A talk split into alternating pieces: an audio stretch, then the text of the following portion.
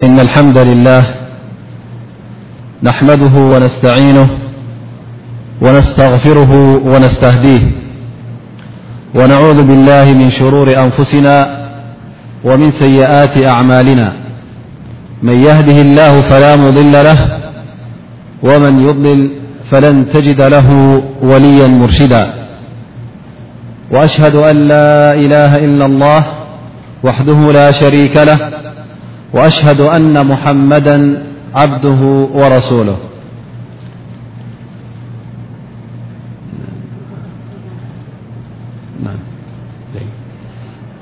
بلغ الرسالة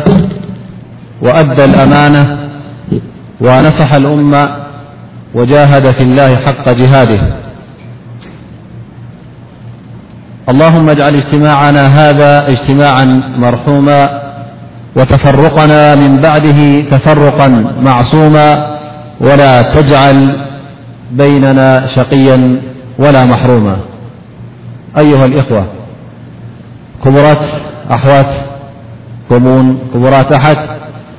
السلام عليكم ورحمة الله وبركاته ናይ ሎም መዓልቲ ኣርእስቲ ተመሪፁ ዘሎ እንሻ ላ ዛዕባ ሓق ልሙስልም ዓለ ልሙስልም ክኸውን እዩ ማለት መሰል ኣስላማይ ካብ ኣስላማይ ኣስላማይ ካብ ኣስላማይ እንታይ ዓይነት መሰል ይፅበ እንታይ እንታይ ከመሰላት ኣለዎ ብዛዕባ እዚ እን ሻ ላ ደርስና ናይ ሎም መዓልቲ ኣብዛ መንጎ መቕሪብን ኣልዕሻን ሓቢርና ክንሰምዕ ኢና እንሻ ላ ኣስላማይ ንኣስላማይ ክበሃል እንከሎ ካበይ ካልእ ድማ እንታይ ወፅእ ኣሎ ማለት እዩ ካፍር ሙሽርክ የሁድ ነስራኒ ኩሉ ወፅእ ኣሎ እቲ መሰላት ናቶም ሕጂ ፍሉይ ይኸውን መሰል ናይ ኣስላማይ እውን ፍሉይ ይኸውን ማለት እዩ እቲ መሰላት ናይ እስልምና ክንሪኦ እተ ኮይና ወይ ከዓ መሰላት ናይ ኣስላማይ ብዙሕ እዩ እቲ ናይ ነቢና ሙሓመድ صለ ላ ለ ወሰለም ዝመፀና ኣሓዲስ እውን በብ ዓይነቱ ኣሎ ማለት እዩ ገለ ገለ ሓፈሻዊ ኣሓዲስ ይኸውን ማለት እዩ ከምቲ ነቢና ሙሓመድ صለ ላ ለ ወሰለም ዝብልዎ መሉ ሙእሚኒና ፊ ተዋድህም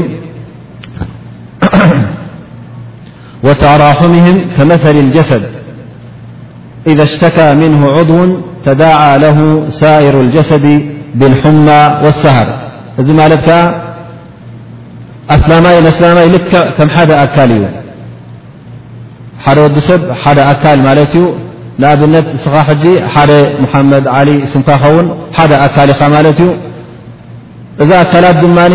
ኢድ ኣለዎ እግሪ ኣለዎ በበይኖ ዝተፈላለየ ክፍልታት ናይ ስውነት ኣለዎ ማለት እዩ ኣስላማይ ኣስላማይ ልክ ሕጂ ከምዚ ስውነታት እዮም ዝቁፀሩ ሓደ ሰብ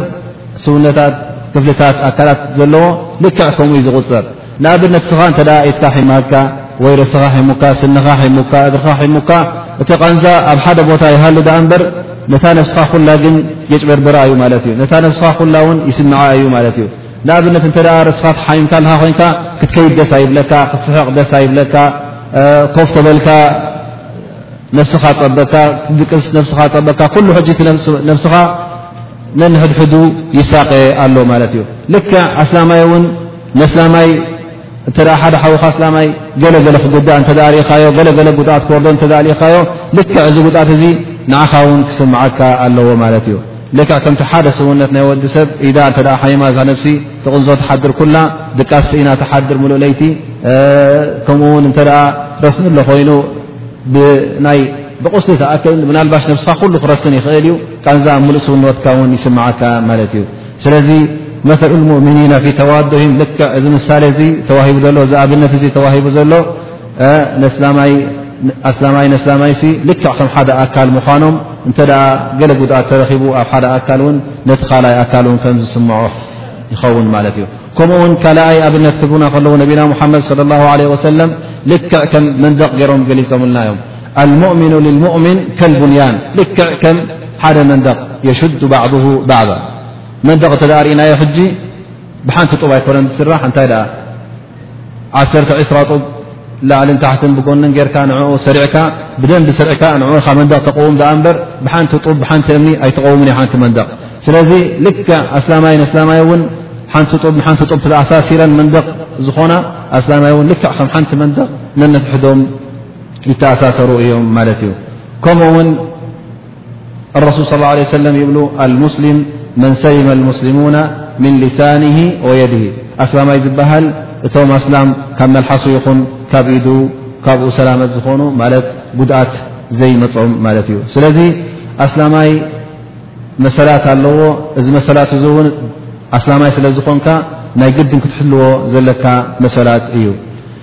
እንተ ብዙሕ መሰላት ናይ እስላም በብሓደ ናይ ኣስላማይ ካብ ኣስላማይ ዝፅበዮ መሰል እተ በብሓደ ክንቆርሖ እተ ኮይና ክንውድኦ ኣይንኽእልን ኢና እበር ብዙሕ መሰላት እዩ ንኣብነት መሰል ናይ ሰላም ኣሎ መሰል ናይ እተ ዓዲሙካ ሕራይልካ ኣብቲ ዕድመ ንክትመፅእ እንጥሸውተኢሉ እውን ኣልሓምዱላ ምስ በለ ዱዓ ክትገብረሉ እንተ ሓሚሙ ክትበፅሖ እንተ ሞይቱ እውን ክትቀብሮ ሰላት ክትሰግደሉ ሰላት ጀናዛ ከምኡ ውን ኣብ ርእሲኡ ነሲሓ ሃበኒ ወይ ከዓ ምኸረኒ እተ ኢሉካ ብቕኑዕ መገዲ ጌርካ ክትመኽሮ እንተ ውን እሱ ዘየለዎ ቦታ ብሕማቕ ክጥቀስ እተ ሰሚዕካ ሓውኻ ስላማይ ስለ ዝኾነ ዓኻ ስለ ዝሕመካ ውን ንኡ ያይ ክትብሎም ነቶም ዝሓምዩ ዘለዉ ወይ ከዓ ነቶም ንብረቱ ክዘምቱ እተ ርኢኻ ውን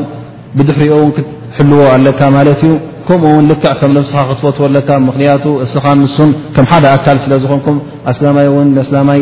ክፋቶ እተ ኮይኑ ነታ ነብስኻ ትፈትዋ ክትፈትዋ ነታ ነብስኻ ትፀልኣ ድማ ንኡ ክትፀልኣሉ ኣለካ በቢ ዓይነቱ መሰላት እዩ ዘሎ እቲ መሰላት ውን ብዙሕ እዩ ግን ሎም መዓልቲ እንተ ኣሕፅር ኣቢልና ክንዛረብ ኮይና ኣብታ ሓዲ ረሱል ለ ለ ወሰለም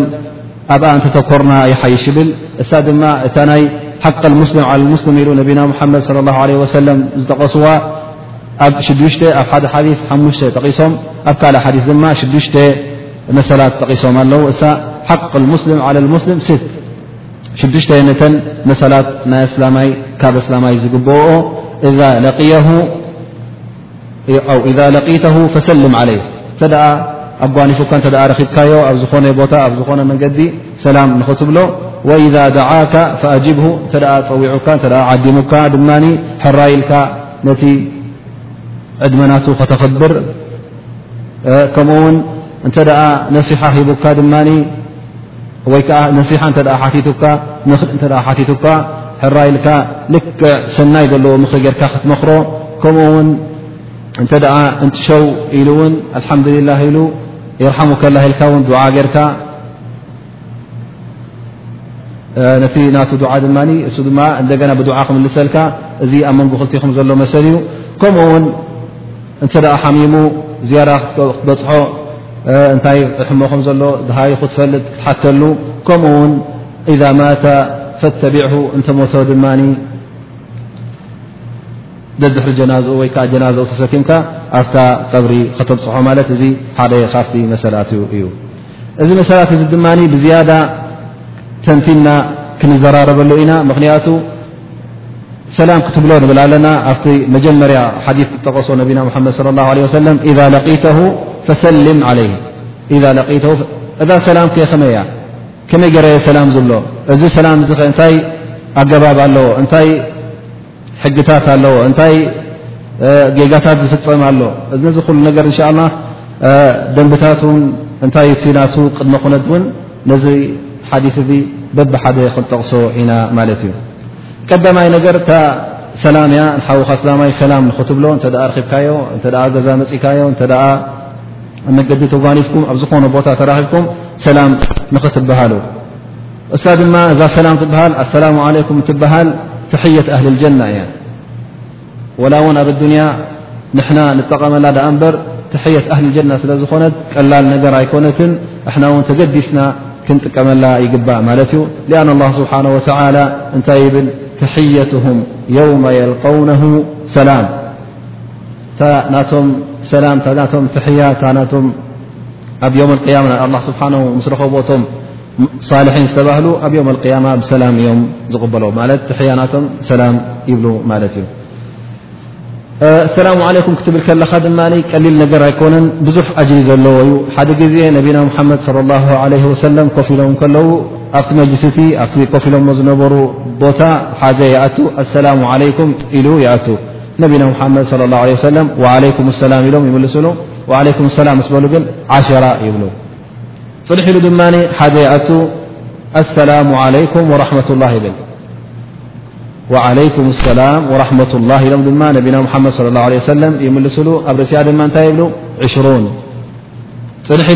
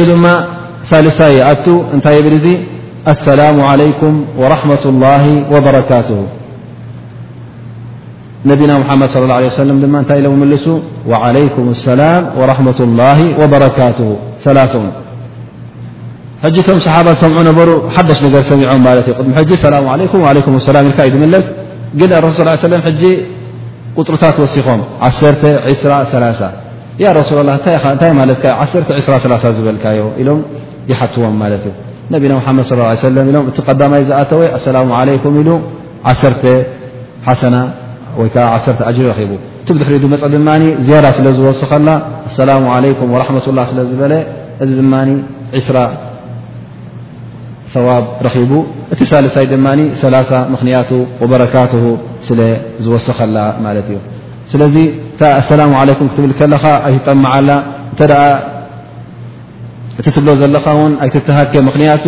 እቲ ኣጅሪ ናባኻ እዩ ዝምለስ ዘሎ ነቲ ሓውኻ ውን ብዝያዳ ተሐጉሶን ባህ ተብሎን ስለ ዘለኻ ኣላ ስብሓን ወተላ ውን ነዚ ተግባራት እዚ ብሰናይ ይቆፅረልካ ኣጅሪ ኮይኑ ድማ ፅባሕ ኣብቲ ገንዘብካ ይኹን ደቅኻ ይኹን ዘይጠቕሙኻ ሰዓታት እዚ ሰናይ ተግባራት እዚ ቀሊል ዝኾነ ተግባራት ክጠቕመካ ስለ ዝኾነ ኣይተቃልሎ ኢኻ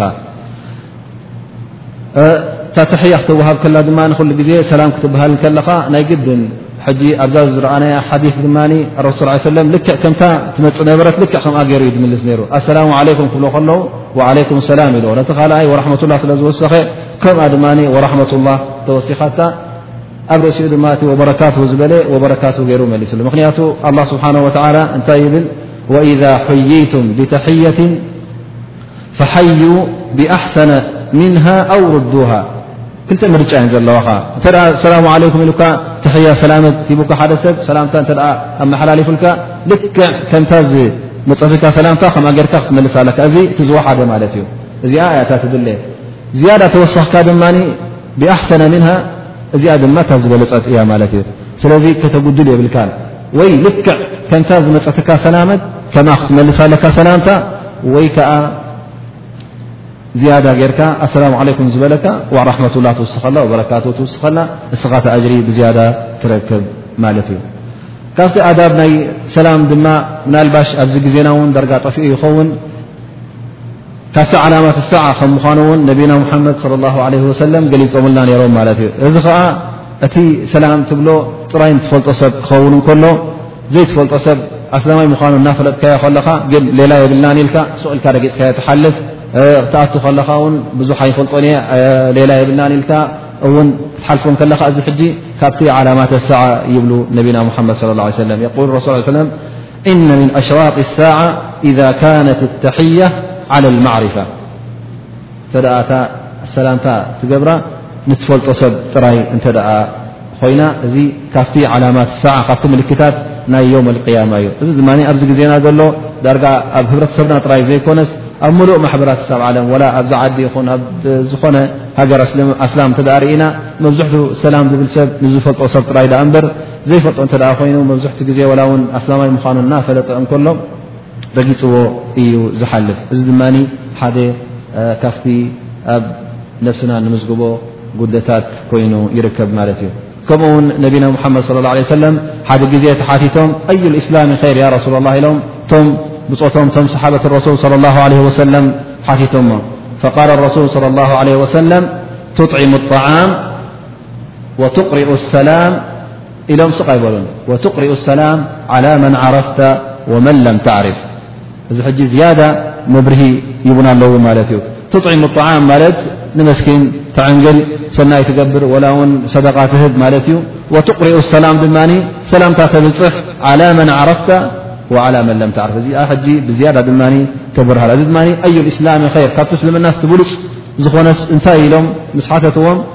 ነቢና ሙሓመድ صለ ላه ለ ወሰለም ነዘን ነገር ዚአን ብዝያዳ ስለ ዘተኮሩለን ብዝያዳ ድማ ኣገደስቲ ስለ ዝኾና ንመሳኪን ከተብልዕ ከምኡ ውን ንትፈልጦ ሰብን ዘይትፈልጦን ኣሰላሙ ዓለይኩም ኢልካ ተሕያ ወይ ከዓ ሰላምታ ክተመሓላልፍ ማለት እዩ ምኽንያቱ እዚ ነገር እዚ እዚ ሰላምታ ቀሊል ነገር ኣይኮነን ኣብ መንጎ እቲ ህብረተሰብ ኣስላም እውን ፅቡቕ ልቦናን ፅቡቕ ጠበያትን ክርከብ ስለ ዝኽእል እዚ ማሕበር ድማ ከም ሓደ ማሕበር ስለ ዝሕሰብ ማሕበር ናይ ኣስላም ሓደ ማሕበር ወይ ሓደ ኣካል ስለ ዝኾነ ብዝያዳ ድማ ነዚ ኣካል እዚ ዘቀራርቦን ዘወሃህዶን ዘፋቕሮን እቲ ሰላምታ ኣብ መንጎኦም ምርካብ ስለ ዝኾነ ነዚ ነገር እዚ ነቢና ሙሓመድ ለ ላ ለ ወሰለም ብጣዕሚ ተገዲሶምሉ እዮም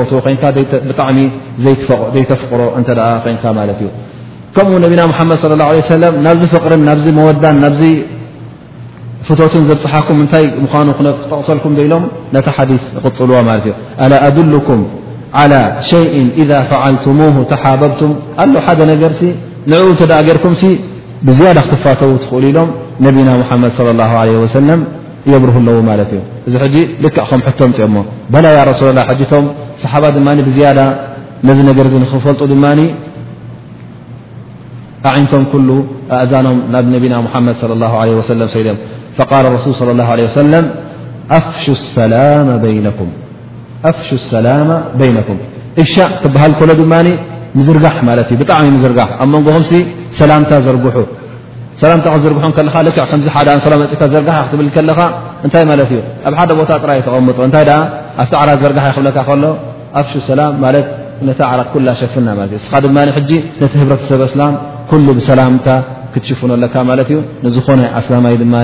ክትረኽቦ እንከለኻ ኣሰላሙ ዓለይኩም ክትብሎ ኣለካ ማለት እዩ ካብቲ ኣዳብ ናይዚ ድማ መብዝሕቲ ግዜ እውን ሓሓደ ግዜ እውን ንርስዖ ንኸውን ሓደ ወዲ ሰብ ወይከዓ ሓደ ካባና ገዝኡ ክኣት ከሎ መብዝሕቲ ግዜ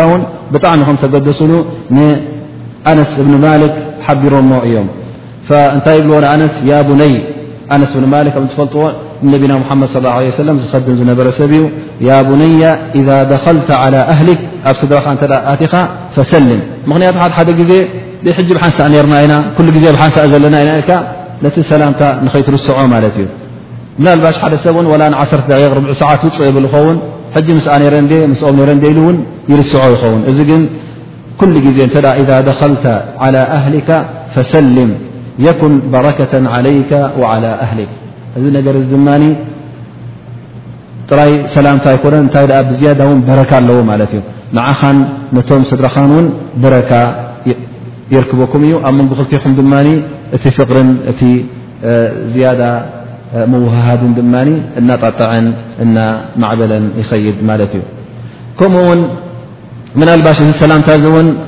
ሓደ ዓብ ሰብ ንዓብ ሰብ ጥራይ ሕና ዓበይቲ ቆልዓ ክሓልፍ እተሪእዎ ወይ ቆልዑ ተረኪቡ እዚኦም እንታይ ኣለዎም ንኣሽትዮም ኢልካ ክሕለፍ እውን ጌጋ ይኸውን ማለት እዩ ምክንያቱ ኣረሱል ስለ ላሁ ለ ወሰለም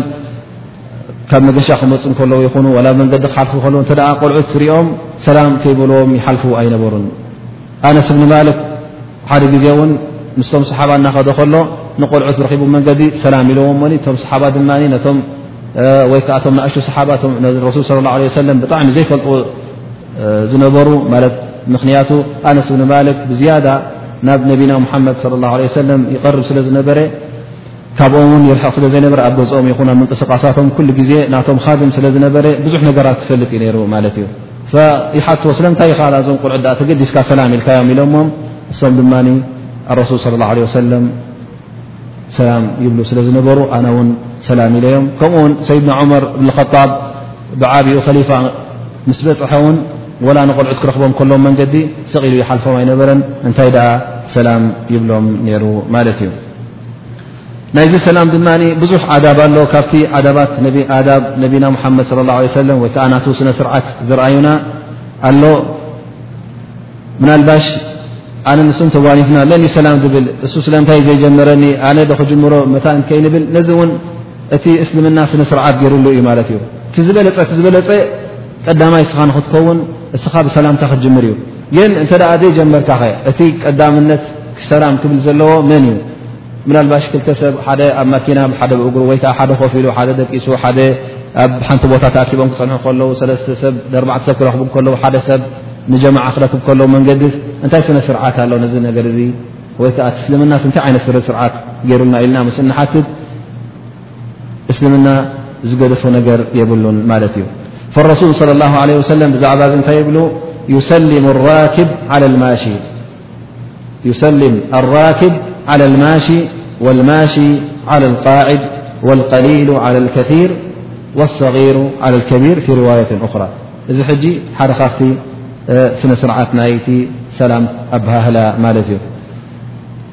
እንተ እስኻ ብ ማኪና ትኸይድ ኣለኻ ኮይንካ እሱ ድማ ብእግሩ ይኸይድ ኣሎ ኮይኑ ትመሓላለፉ ኣለኹም ኮይኑ ቀዳምነት እስኻ ሰላሙ ዓለይኩም ክትብል ኣለካ ማለት እዩ እሱ ብእግሩ ኸይድ ኣሎ እሞ ምናልባሽ ሕጂ ዚ እንታይ ማለት እዩ ብዝያዳ እቲ ሰሪሩ ዝኸይድ ዘሎ ቀደም ኣብ በቕሊ ይኹን ኣብ ፈረስ ሎሚ እውን ኣብ ማኪና ይኹን በብዓይነተን ማኪናታት ዘለዋ እናኸትካ ከለኻ ዝያዳ ትዕቢት ንኸይ ኣብ ነብስኻ ንኸይ ርከብ እስኻ መጀመርያ ሰላም ክትብል ኣለካ ማለት እዩ ብእግሩ ይኸይድ ኣሎ ላ ድኻ ኮይኑ ብእግሩ ይድ እስኻ እንታይ ትመስል ማኪና ቀጫ ትመስል ማኪና ሰይርካ ድ ቀዳመነት እሱ ሰላም ክብለካ የብሉን እንታይ ደኣ እስኻ ሰላም ክትብሎ ዘለካ እሱ ሰላም ትበለ ምንም ሽግር የብሉን ዝያዳ እውን ኣጅሪ ይረክብ ግን እቲ ደንቢ ናይዚ ነገር እዚ ቀዳምነት እቲ ሰሪሩ ዘሎ ኣብ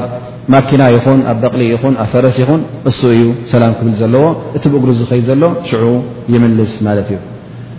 እንተ ኮፍ ኢሎም ኣለዉ ኮይኖም ሓለፍካ ከለካ ኣብ መንገዲ ወይዓ ኣብ ስርሑ ኮፍ ኢሉ ከሎ ሰብ እስኻ እ ትሓልፍ ኣለካ ኮይንካ ብማኪና ይኹን ብእግርኻ እ ትኸይድ ኣለካ ኮን ላ ብእግሪ ዝኸይ ዘሎ እናሓለፍካ ቀዳምነት እስኻ ኢኻ ሰላም ትብል እቲ ዝኸይድ ዘሎ ቀዳምነት እሱ ኣሰላሙ ዓለይኩም ክብል ኣለዎ ብድሕሪኡ እቲ ኮፍ ኢሉ ዘሎ ይምልሰሉ ማለት እዩ እንተ ደኣ ጀማዓ ንጀማዓ ተረኻኺቦም ከ ሰለስተ ሰብ ምስ ኣርባዕተ ሰብ ኣብ መንገዲ ኣ ተራኺቦም ቀዳምነት ሰላም ክብሉ ዘለዎም ኣየኖት እዮም እቶም ውሑዳት እሶም መጀመርያ ሰላም ክብሉ ኣለዎም ምናልባሽ ስኻ ሓደ በይንኻ ትመፅእ ኣለኻ እሶም ድማ ጀማዓ ሓሙሽተ ሰብ ዓሰር ሰብ ኮይኖም መፁ እንተ ኣለዉ ኮይኖም እንተ ተዋኒፍኩም ኣብ መንገዲ ንዕኦም ኢኻ ስኻ መጀመርያ ኣሰላሙ ዓለይኩም ክትብሎም ዘለካ ካብኦም ሰላም ክትፅበ የብልካን ምናልባሽ ፅባሕ ቂቕ ከይብለካ እሶም እኳ ሰላም ዘይበሉኒ ኩሎም ብሓንሳእ እንከለዉ ሱቕ ኢሎም ረጊፆምን ሓሊፎም ንኸይትብል ስለዚ እስኻ ኢኻ ጉድለት ኣምፅእካ ማለት እዩ ከምኡ ውን ንእሽተይ ንዓብዪ ቀዳምነት ከሕልፎ ኣለዎ ማለት ንእሽተይ ሰላም ክብል ኣለዎ ምኽንያቱ ኣረሱል ስ ሰለም የል ለይሰ ምና መን ለም ይወቅር ከቢረና ወየርሃም ሰጊረና ሓደ ካብቲ ክብረት እስልምና ዝሓለዎ ናይ ዕብት ስለ ዘሎ ነዚ ክብረት እዚ ድማ እቲም ንኣሽቱ ነቲ ካብኦም ዝዓቢ ሰብ ብዝያዳ ክብረት ንኸርእዩ መታን እሶም ቀዳምነት ሰላም ክብሉ ኣለዎም ማለት እዩ እዚ ሕጂ ካብቲ ደንብታት ማለት እዩ መነ መን እዮም ሰላም ዝብሉ ቀዳምነት መን እዩ ሰላም ክብል ዝግብኦ የርእየና ማለት እዩ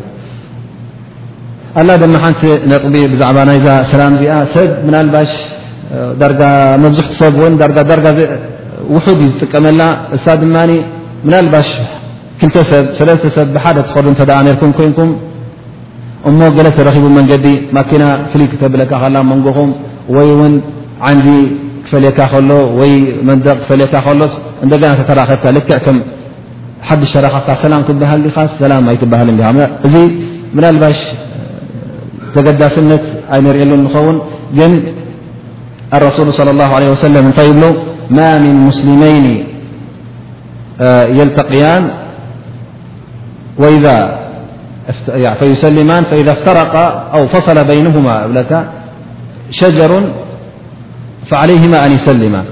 ማለት እተ ብሓንሳእ ከዱ ነሮም ኮይኖም ሰላም ተባሂሎም ድሕሪኡ ድማ እተ መንደቕ ገረብ ወይ ዝኾነ ነገር እተ ፈልዎም እንደገና ድማ እተ ተራኺቦም እንደገና እውን ሰላም ክበሃሃሉ ኣለዎም ኣሰላሙ ዓለይኩም ክብሎ ኣለዎ እሱ ድማ ዓለይኩም ኣሰላም ክብሎ ኣለዎ ማለት እዩ ኣብ ርእሲ እዚ ናይ ሰላም ድማ ንሕና ብዝያዳ ነቲ ሰላም ዘምውቕ እውን ሰላም ክትብል ከለኻ ውን ብኢድካ ሰላም ንኽትብል እቲ ዝያዳ ኣብ መንጎ ክልቴኹም ዘሎ ፍቕሪ ዘቀራርብን ዘወሃህድን ይኸውን ማለት እዩ ወረሱል صለ ላ ለ ወሰለ ን እተ ክልተ ስላማይ ተራኺቦም ሰላም ተኢሎም በር እተ ፈየተሳፋሓን ማለት ኢድ ንኢድ ተዋሂቦም ተጨባቢጦም ሰላም ተባሂሎም ኢላ غፊረ ለሁማ ቐብሊ ኣን የፍተሪቃ ከይተፈላለዩ ከለዉ ድማ ኣላ ስብሓን ወተላ ነቲ ዘንቦም ይቕፍረሎም እዩ ነቲ ዘንቡም ይድምስሰሎም እዩ ኣብዚ ድማ ሓንቲ ነጥብላ ምናልባሽ ከምዚ ክንብል ከለና ድማ ሓቃ ሙስሊም ዓላ ሙስሊም እናበለ ሓደ ሰብ ድማ ምናልባሽ ተ ደቂ ኣንስትዮ እውን ሰላም ክብለና ኣለኒ ሙሳፍሓ ድማ መቕፊራ ኣለዎ እናበለ ድማ ነተን ደቂ ኣንስትዮ እሞ ሰላም ክብለ ምክንያቱ እዚ ሳውን ኣስላመይቲ እያ መሰልናታ ክሕሎ ኣለዎ ኢሉ እዚ ነገር እዚ ከይገብር ድማ ብዛዕባ ናይ ደቂ ኣንስትዮ እንተ ኮይኑ እታ ኣልሙሳፍሓ ትበሃል እተ ጓል ኣንስተይቲ ኣጅነብያ ኮይና እተ ማሕረምካ ዘይኮነት ኢትካ ሰዲትካ ሰላም ንክትብላ ማየጁዝ ሓራም ይኸውን ማለት እዩ ዓባይ ትኹን ንእሽተይ ትኹን ማለት እዩ ግን ሓፍትኻ ማሕረምካ እተ ኮይና ኢትካ ሂድካ ሰላም ንክትብላ ምንም ሽግር የብሉን ማለት እዩ ከምኡ ውን ብዝያዳ ውን ናይ ሙዓነቃ ዝበሃል ማለት ተሓናኒቕካ ውን ሰላም ክትበሃል እዚ ኣብ እስልምና ዘሎ ዩ ኣብ ሸርዒ እስልምና ዝወረደ እዩ ግን ዑለማ ብዛዕባ እዚ ውን ክጠቕሱ ከለዉ ኩሉ ግዜ ዲኻ ሙዓነቃ ትገብር ኣብ ዝረኸብካዮ ኣሰላሙ ዓለይኩም ልካ ሕጂ ተራኺኩም ነርኩም ቅድሚ ክልተ መዓል ተራኺኩም ነርኩም ኩሉ ግዜ ድዩ ዘድልስ ወይ እንታይ ዓይነት ደንቢ ኣለዎ ነዚ ነገር እዚ ክዛረቡ ከለዉ ዑለማ ኢሎም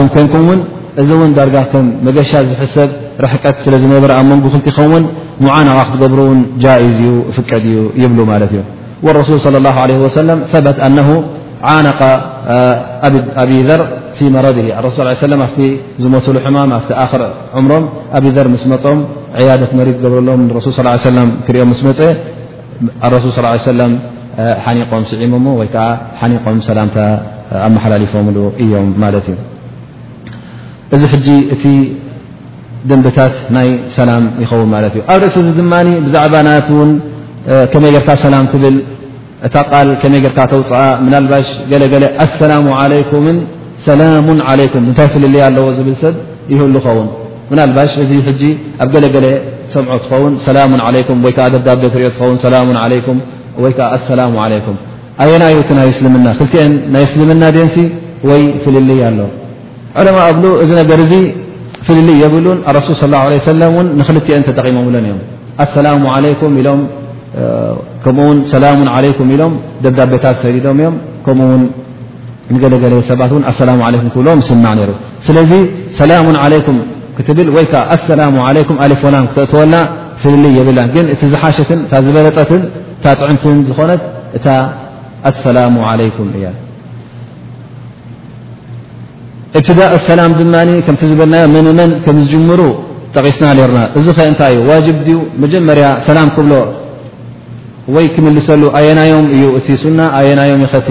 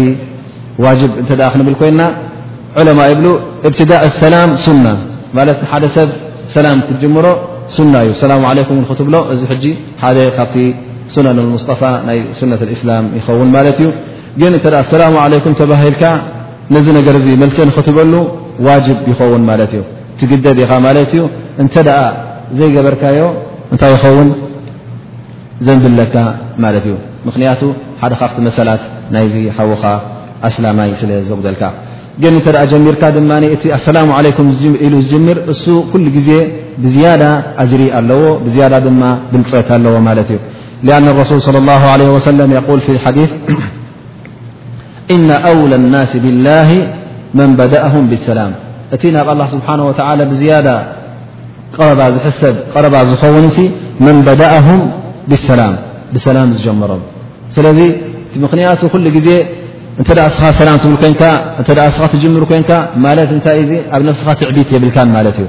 ላ ስብሓን ወተላ ላ ይሕቡ ሙተከብሪን እቲ ተከብሩ ዘለዎ ሰብ ትዕቢት ዘለዎ ሰብ ድማ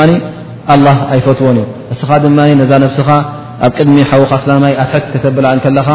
ቀዳምነት ኣነ ሰላም ክብሎ ኣነ ክጅምሮ ካብኡ ክፅበ የብለይን እናበልካ ስለ ትጅምር ኣላ ስብሓን ወተላ እውን ነዚ ናይ ልብኻ ፅርትን ንፅህናን ሪኡ ብዝያዳ ኣጅሪ ይኸትበልካ ማለት እዩ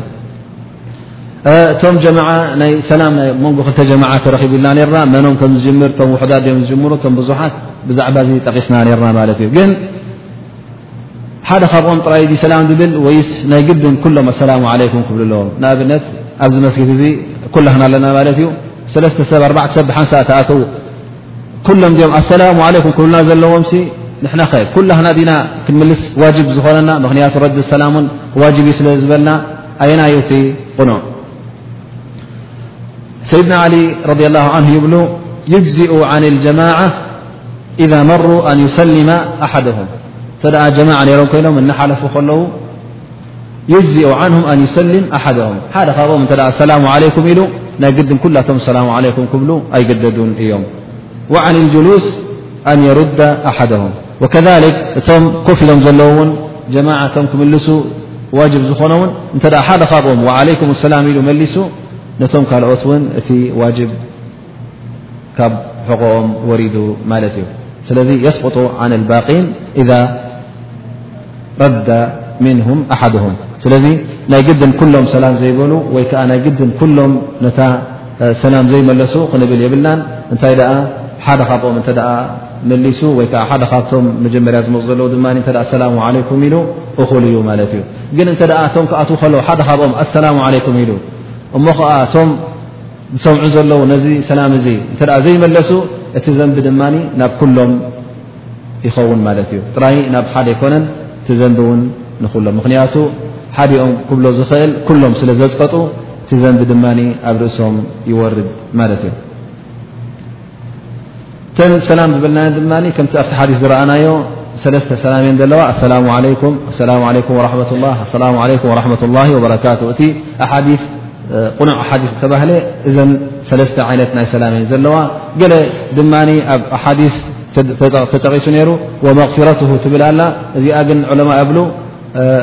ቅንዕቲ ኣይኮነትን ምክንያቱ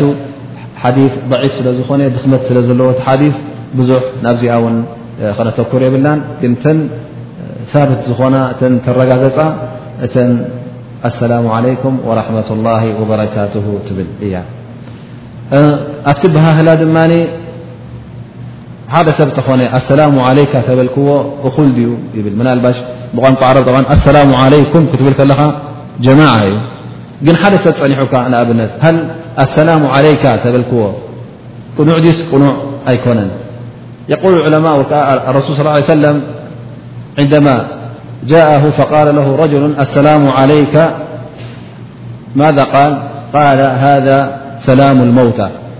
ማለት እዚ ዓይነት እዚ ሰላም ኣይትበልዎ ኢሎም መክሩህ ምዃኑ ጠቒሶም እዮም ምክንያቱ ኣብቲ ግዜ ጃሂልያ ዝነበረ ኣብቲ ኣሽዓር ናቶም ኣብቲ ኣጠቓቕሳ ናቶም እንተ ነቶም ምዉታት ክዝክርዎም ኮይኖም ክመድሕዎም ወይ ከዓ ተእቢን ክገብሩ እተ ኮይኖም ሰላሙን ዓለይካ ያ ፍላን ወሰላሙን ዓለይካ እናበሉ እዚ ነገር እዚ ኣብቲ ህብረተሰብ ብጣዕሚ ዝውቱር ስለ ዝነበረ እዚ ነገር እዚ ነቢና ሙሓመድ صለ ላه ለ ወሰለም ከልኪሎሞ ማለት እዩ እንታይ ደኣ ኣሰላሙ ዓለይኩም ክበሃል ከም ዘለዎ ምኽንያት ስኻ ድማ ኣሰላሙ ዓለይኩም እተ ተባሂልካ ውን ልክዕ ከምታ እተባሃልካያ ድማ ክትምልስ ኣለካ ኣሰላሙ ዓለይኩም ኢሉ እኳ ንስኻ ድማ ኣሰላሙ ዓለይካ ሓደ ኢኻ ሞኒ ኣሰላሙ ዓለይካ ክትብሎ የብልካን ማለት እዩ ስለዚ እታ ዝበለፀትን እታ ናይ እስልምና ድማ ዓለይኩም ብጀማዕ ጌርካ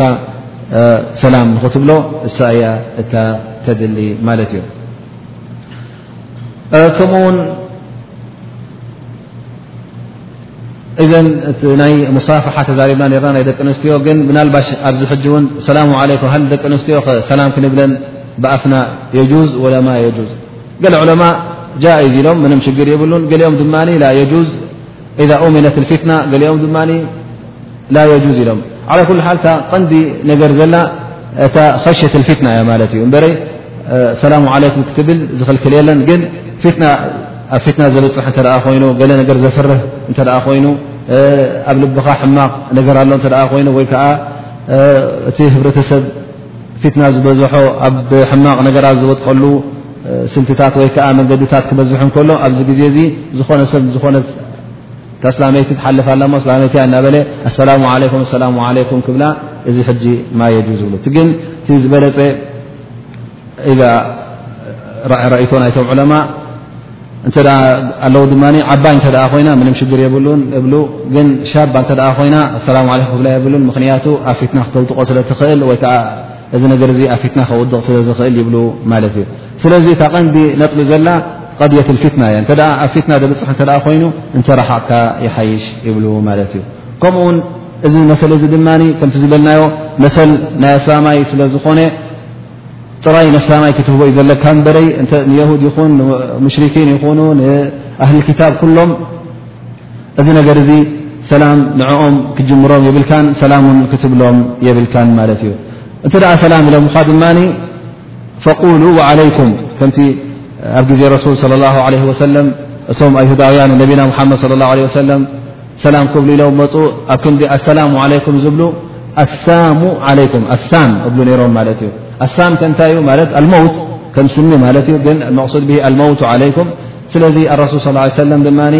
ዓለይኩም ኢሎም ይምልስሎም ነይሮም ማለት እዩ ምኽንያቱ እቲ ዝብልዎ ዝነበሩ እታ ኣዘራረባ ኣሰላም እያ ትመስል ግን ንሶም ነታ ናም ኣጥፍእ የብልዋ ሕጂ ብርሕቕ ሰምዕ ሰብ ሰላም ትመስሎ ግን ንሱ ትንያናቱን እቲ ኣብ ልቡ ሕዲርዎ ዘሎ እከይ ስለ ዝኾነ ነቢና ሙሓመድ ስለ ላ ለ ወሰለም ድማ እከይ ከይተዛረቡ ዓለይኩም ይብሉ ፅቡቕ ተተዛሪቡ ሕጂ እታ ፅብቕቲ መሊስካ ኣሎኻ ማለት እዩ ሰላሙ ዓለይኩም ኢሉ እንትኾኑ ናይ ብሓቂ ዓለይኩም ትብሎ እታ ጥዕምቲ ዘረባ ተመሊሳቶ ማለት እያ እንተ እከይ ነራ ኮይና ኣሳም ዓለይኩም ወይ ከዓ ሕማቕ ራ እተ ኮይና ድማ ዓለይኩም ኢልካ እታ ናቱ መሊስካሉ ማለት እዩ ስኻ ሕማቕ ከየውፃእካ ከለኻ ተኽኢልካ ነታ ናቱ ሃ ብዛዓትኩም ሩደት ኢለይኩም እዚኣ ካቕሓኹም መሊሰልኩም ኢልካ ትመልሰሉ ኣለኻ ማለት እዩ ስኻ እከይ ከይተዛረብካ መልሓስካ ሓሊኻ ኣስላማይ ብምዃንካ መጠን እሱ እተ እከይ ተዛሪቡ ኮይኑ ሰናይ ተዛሪቡ ኮይኑ እታ ሰና በዓል ሰናይ ሰናይ ትመልሰሉ ኣለኻ ማለት እዩ ነቲ በዓል እከይ ድማ ነታ እከዩ ትመልሰሉ ኣለኻ ማለት እዩ ብዛዕባ ናይ ሰላም ከ ሃል እቅራእ ኣሰላም ዝበሃል ማለት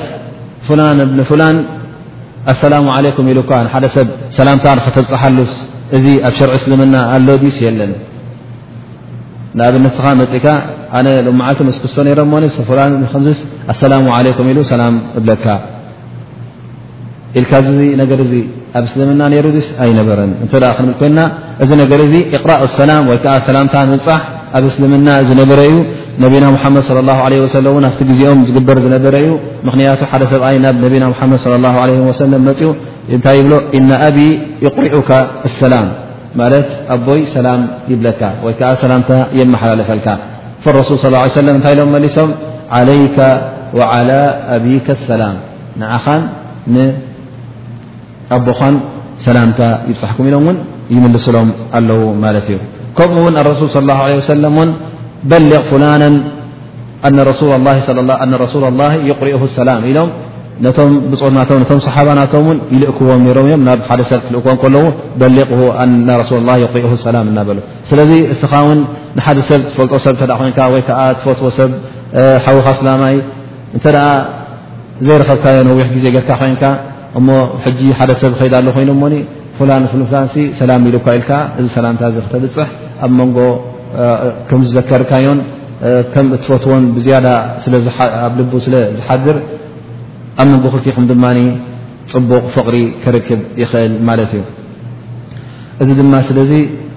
ነዚ ነገር እዚ እውን ክነስተናእሶ የብልና ብደብዳበ ይኹን ብኣፍ ኮይኑ ብገለ ኮይኑ ክተብፅሖ ኣለካ ከምኡ ውን ይብሉ እተ እዛ ሰላምታ መፅያትካ የጅቡ ዓለይከ ረድ ሰላም ፊ ነፍሲ ላሕቫ ማለት እንተ ፍላን መፅኡ ሕጂ ያ ፍላን ኢሉካ ሰላም ምፅናዕካ መ ሰላም ዓለይኩም ኢልካ ተዘራሪኩም ኣንታ ክስተ ወዲ ክርስቶስ ሰላምታ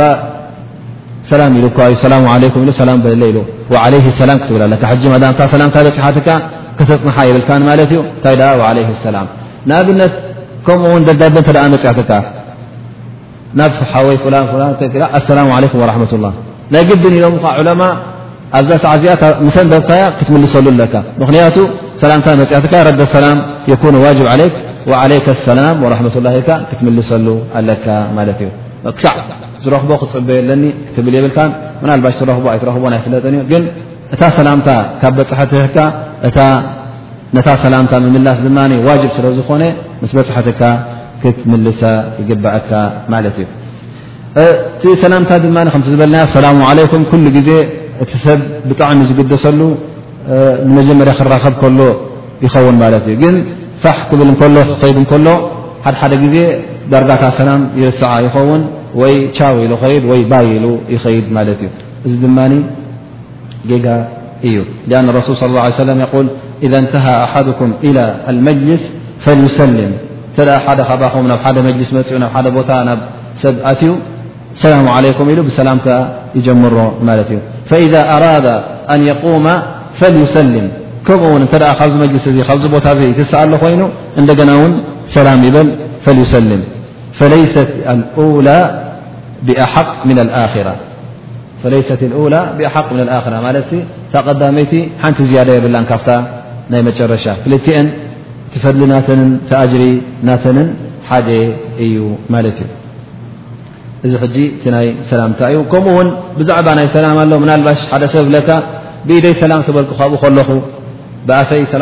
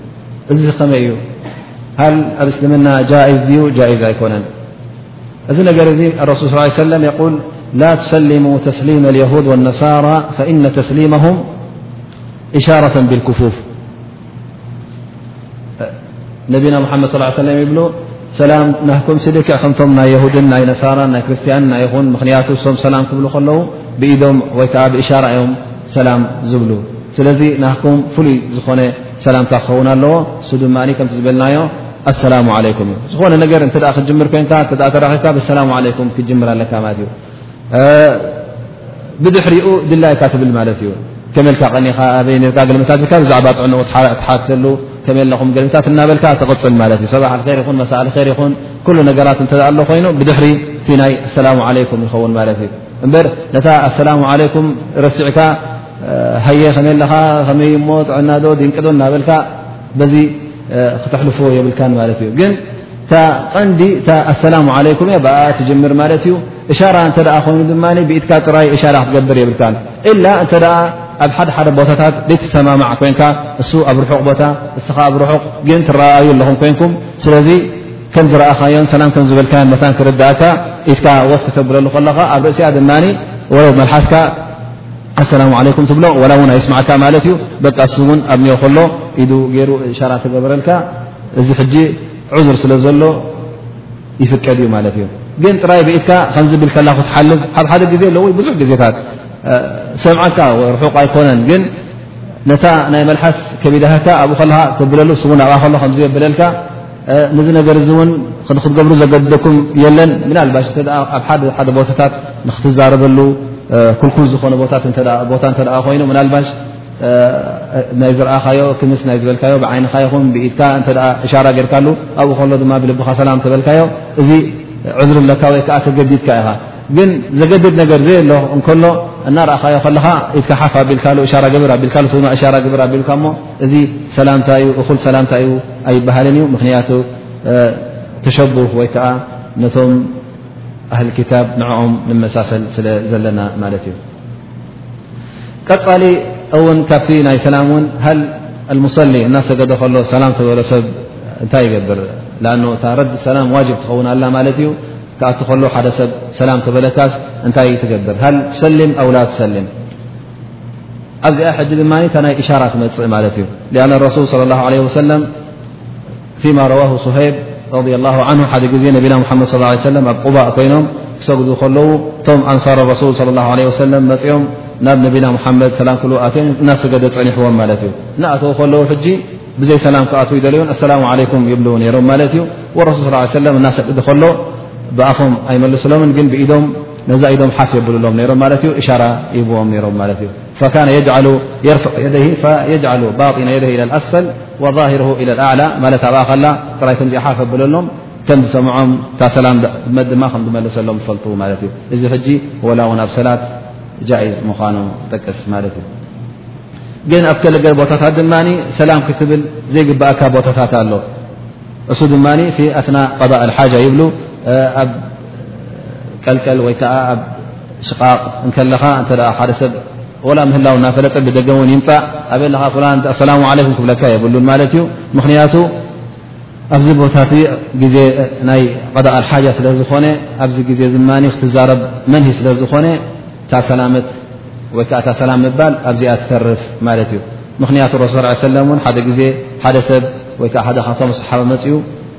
ከምቲ ትፈልጥዎ ቀደም እቲ ቦታ ሰብ ዝወፅኣሉ ዝነበረ ንደገ ክሸ እተ ኮይኑ ኣብ ጎልጎል ዩ ዝወፅእ ነይሩ እቲ ሰብ እውን ዳርጋ ብጥቓኻ ክሓልፍ ይኽእል ዩ ክሰምዓካ ክትዛረብካ ክእል ዩ ንረሱ ስ ሰለም ናርኣዮም ኣብ ሽንቲ ከለዉ ኣሰላሙ ዓለይኩም ኢልዎም ማለት እዩ እሶም ድማ ኣይመለሱሉን ዳሕራይ መፅኦም እዚ ነገር እዚ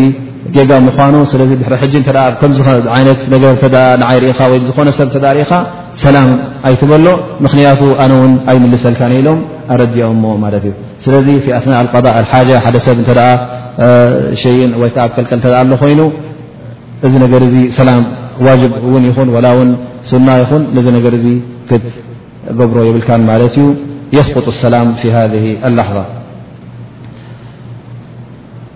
ገለ ድማ ኣሎ ብዛዕባ ናይ ሰላም እንርስዖ ከምቲ ቅድም ዝበልናዮ ምናልባሽ ገዛ ክትኣቱ ከለኻ ስድራ ክፀንሓ ከለውን ምስ ሰበይትኻ ሰላም ክትብል ኣለካ ሰላሙ ዓለይኩም ኢልካ ክትኣትሎ ምናልባሽ ይብል ኣነ ጠይብ ንበሎ ስፓቡል እየ ብለካ ሓደ ሰብ የብለይን እሞ ገዛ ክኣቱ ከለኹ ሰላም ክብል ሃል የጁዝ ወላ ማ የጁዝ يقول العلماء بناء على تفسير قول الله سبحانه وتعالى فإذا دخلتم بيوتا فسلموا على أنفسكم يقول العلماء أنه يسلم على نفسه السلام عليكم كبل اللغة وابن عمر رضي الله عنه يقول يقول ماذا يقول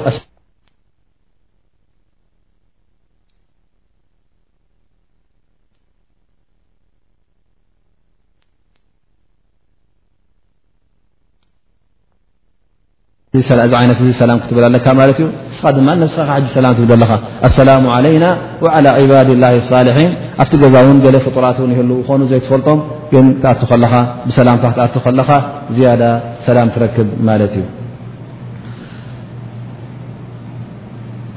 እስትእዛን ክትገብር ከለኻ ውን መጀመርያ ግዜ ክኣቱ ዶ ክትብል የብልካ መጀመርያ ክትብሎ ነገር ዘለካ ኣሰላሙ ዓለይኩም እዩ እተ ኳሕኳሕ ኣቢልካ ክፈቱለይ ኣይትብልን ኢኻ መጀመርያ መጀመርያ ኣሰላሙ ዓለይኩም ድሕሪኡ ክፈቱለይ ክኣቱ ትብል ማለት እዩ ምኽንያቱ ኣረሱል ስ ሰለም ሓደ ግዜ ሓደ ካብቶም ኣስሓባ መፅዎ ምፅእ ኢሉ ጠብ እቲ ናይ ቀደም ገዛውቲ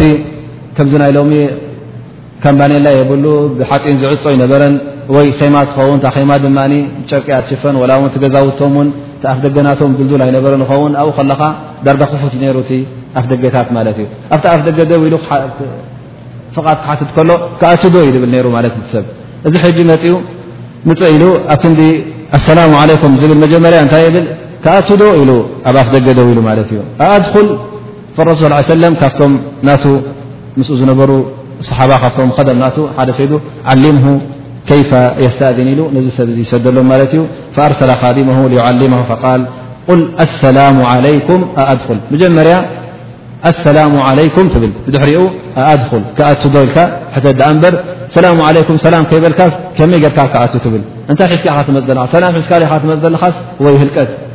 ስለዚ መጀመርያ ነቶም እትኣትዎም ዘለኻ ገዛ ሰናይን ሰላምን ከተስምዖም ኣለካ ብድሕሪኡ ክኣቱ ዶ ኣይኣቱን ኢልካ ትሓትት ማለት እዩ እዚ ሕጂ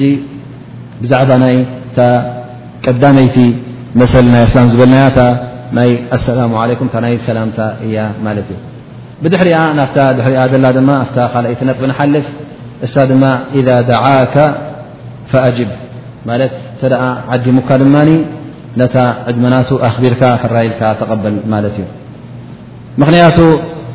ኩሉ ግዜ እንተ ሓደ ሰብ ክዕድመካ ኮይኑ ንመርዓ ይኹን ንዝኾነ ይኹን ውራይ ኣለዎ ንሕፀ ንዝኾነ ይኹን ዓይነት ዝኾነ ይኹን ናብ ገዝ እተ ኣጋይሽ ኣለዎ ኮይኖም ብዘይገለ ውራይ ብዘይገለ እውን ንዓ ምሳይ ተመሳሕ ንዓ ምሳይ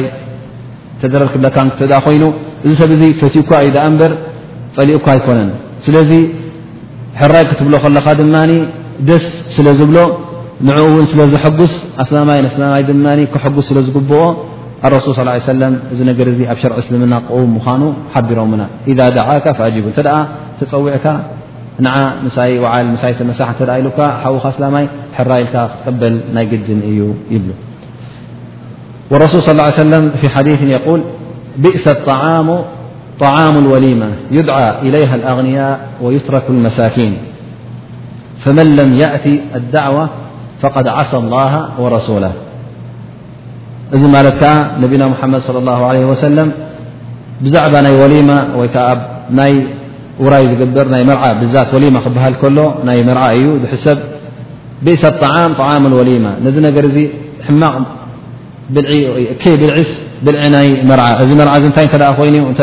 ጥራይ ነቶም ሃፍታማት መመሪፅካ ንዕኦም ትፅዋዓሉ ኮይንካ ድኻታት ዘይተብልዓሉ እተ ኮይንካ እቶም ስኡናት ዘይረኽብሉ እተ ኮይኖም እዚ ትገብሮ ዘለካ ውራይ ናይ ረኣዩለይ ስምዑለይ ዳኣ እምበር ናይቲ ምስጋና ኣላ ስብሓን ወላ ነዚ መርዓ ዚ ዘብቅዓኒ ነብሰይ እተ ትምርዖ ኣለካ ኮይንካ ወይከዓ ውላድካ እተ ተመርዑ ኣለካ ኮይንካ ናብዚ መርዓዚ ዘብቅዖ ንወደይ ኢልካ ንኣላ ስብሓን ወላ ተመስግነሉ ዘለካ ውራይ ኣይኮነን እንታይ ደኣ ረኣዩለይ ስምዑለይ ስለ ዝኾነ ነቶም ሃፍታማ ጥራይ ትፅውዕ ማለት እዩ እዚ ድማ ፅሉእ ምዃኑ ነቢና ሙሓመድ ለ ላ ለ ወሰለም ይገልፁ ኣለዉ ግን እንተ ተፀዊዕካ ይብሉ ፈመን ለም ያእቲ ዳዕዋ እንተ ክተፀዋዕካያ ዘይመፅእካ ተፀዊዕካ ከለኻ ፈቐድ ዓሳ ላ ወረሱላ እዚ ከዓ ማዕስያ እዩ ዝሕሰብ ማለት እዚ ዋጅብ ስለ ዝኾነ ዘንቢ እውን ይሕሰበልካ እዩ ዑለማ ድማ ነዚ ነገር እዚ ክጠቕሱ ከለዉ ኣሎ ገለ ዳዕዋ ወይ ከዓ ፃውዒት ወይ ዕድመ ዋጅብ ይኸውን ንኽትከዶ ገሊኡ ድማ ሱና ይኸውን ይብሉ ገሊኡ ድማ ሙሓረም ወላ እውን ሓቂ ሙስሊም ዓለ ሙስሊም ይኹን ግን ሓደሓደ ግዜ እውን ኣብ ሓራም ዝበፅሕ ኣሎ ነዚ ድማ ኣብዚ ዝመፅ ዘሎ ትንተና ክንሪኦ ኢና ማለት እዩ እታ ዋጅብ ትበሃልታ ኣገዳዲ ትበሃል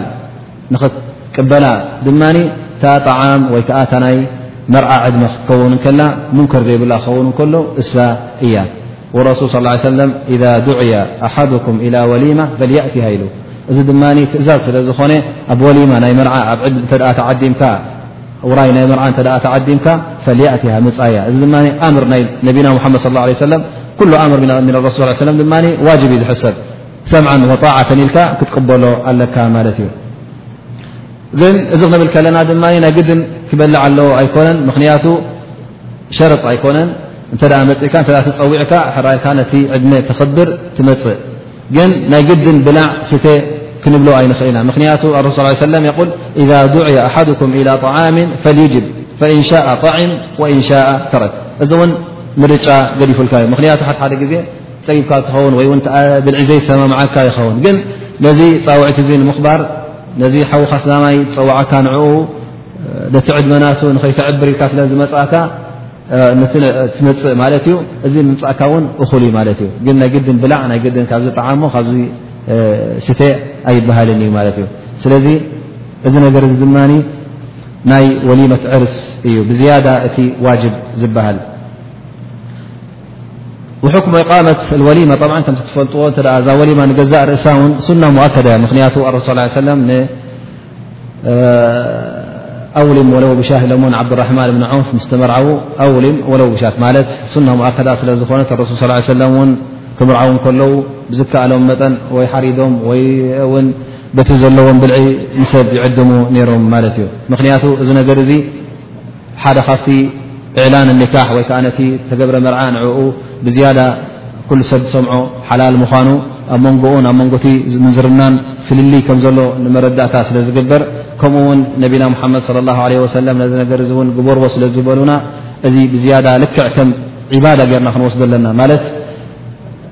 ሓደ ሰብ መርዓ ገይሩ ወሊማ ክገብር ተ ኮይኑ ዕድሚ ክገብር ተ ማለት ውራይ ተ ክገብር ኮይኑ እዚ ነገር እዚ ጥራይ ከም ልምዲ ከም ባህሊ ክንወስዶ የብልናን እንታይ ደኣ ልክዕ ከም ዒባዳ ክንወስዶ ኣለና ምክንያቱ ኣረሱ ስ ሰለም ኣውሊም ወለው ብሻት እናበለስ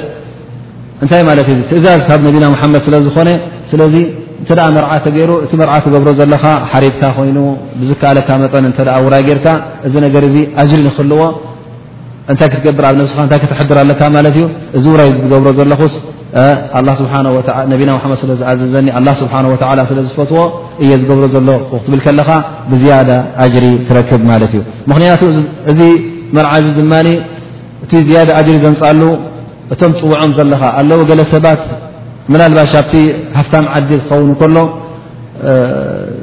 ምንም ሽግር ኣይኮነን ግን ኣብ ገለገለ ሃገራት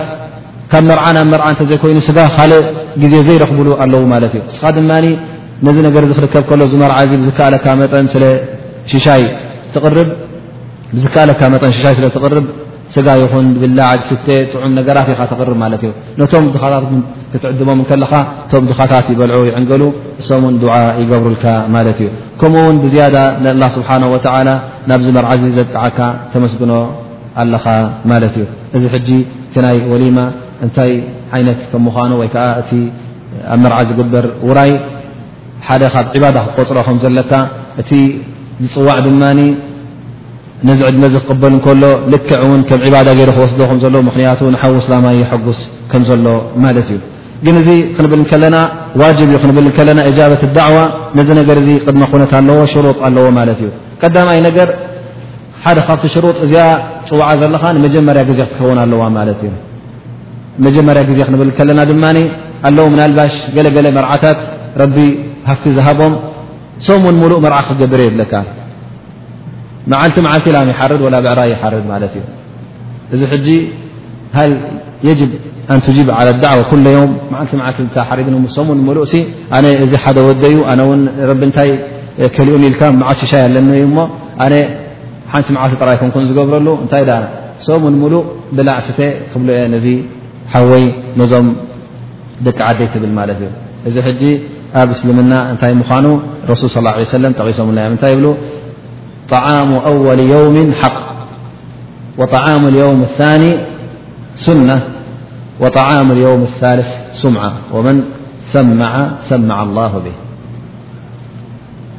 ምክንያቱ እዚ ዩ ሕጂ እተ ሕጂ እታ መጀመርያ ግዜ ዝበልና መጀመርያ መዓልቲ ኮይና መርዓ ገይሩ ሓደ ሰብ ሎ መዓልቲ መርዓ እዩ ኢሉ ሎ መዓልቲ ውራይ ኣለና ኢሉ ሎ መዓልቲ ፀዊዑ እኳ ትመፅእ ማለት እዩ እዚኣ እታ ዋጅብ ፅባሒቱ መርዓና ቅፅል ይቕፅል እዩ ዘሎ ንዓ ፅባሕ ምፃ ን ድሕሪ ፅባሕ ተይሉካ ድሕሪ ሕጂ ዋጅብ ዝበሃል የለን ገድፎ ኣለካ ማለት እዩ ስለዚ እታ ቐንዲ ዋጅብ ዝኾነት እታ ዋጅብ እትበሃል እታ ናይ ግድን ክትቅበላ ዘለካ ፃውዒትን ዕድመን እታ መጀመርያ መዓልቲ ቲ ሓንቲ መዓልቲ እትግበር ማለት እዩ ካልኣይቲ መዓልቲ ገይሩ ሃ ማዕሌሽ ቁሩብ ግን ካብኣ እንተ ሓሊፉ እዚ ዝገብሮ ዘሎ ረኣዩለይ ስምዑለይ ስለ ዝኾነ ነቲ ገንዘብ ውን ተብዚር ስለ ዝኾነ ኣብ ክንዲ ነቶም ፍቀራ ነቶም መሳኪን ዝህቦ እሞ ጥራይ ንመገየፂ ስለ ዝኾነ ኣላ ስብሓን ወላ ነዚ ሰብ ድማ ናይ ስምዓን ናይ ርእያን ስለ ዝኾነ ዮም ኣልቅያማ ድማ ይሰሚዑ ላ ብ እቲ ዝገብሮ ዝነበረ ጌጋታት እውን ዓላ መላእን ምን ኣልኣሽሃድ ኣብ ቅድሚ ሰብ እውን የርእዮ ማለት ይፍድሖ ማለት እዩ እዚ ሓደ ካብቲ ሽሩጥ ወይ ከዓ ካብቲ ቅድሚ ኩነት ይኸውን ማለት እዩ ማለት ቀዳመይቲ መዓልቲ ክትከውን ወይከዓ ሓንቲ መዓልቲ ክትከውን ኣለዋ ዳኣ እምበር ኣሎ ሰብ ሰለስተ መዓልቲ ወራ ይገብር እየ ንርባዕተ መዓልቲ ክገብር እየ እተ ኢሉካ እቲ ኣይትቀበሎ ግን እታ ቀዳመይቲ መዓልቲ ትቕበላ ማለት እዩ ካልኣይቲ ድማ ኣላ የኩና ማዕዙራ ምናልባሽ ሓደ ሰብ መገሻ ኣለዎ ይኸውን ሕሙም ይኸውን ወይ ከዓ ክመፅእ ኣይከኣለን ርሕቀት ናይ ቦታ ይህልዎ እዚ ሰብ እዚ ድማ ማዕዙር ስለ ዝኾነ የስቁጡ ዋጅብ ዓን ዋጅብ ኢና ክንብሎ ኣይንኽእል ኢና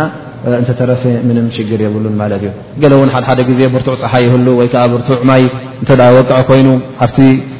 ቦታ ክበፅሕ እተ ዘይክእል ኮይኑ እዚ ሰብ እዚ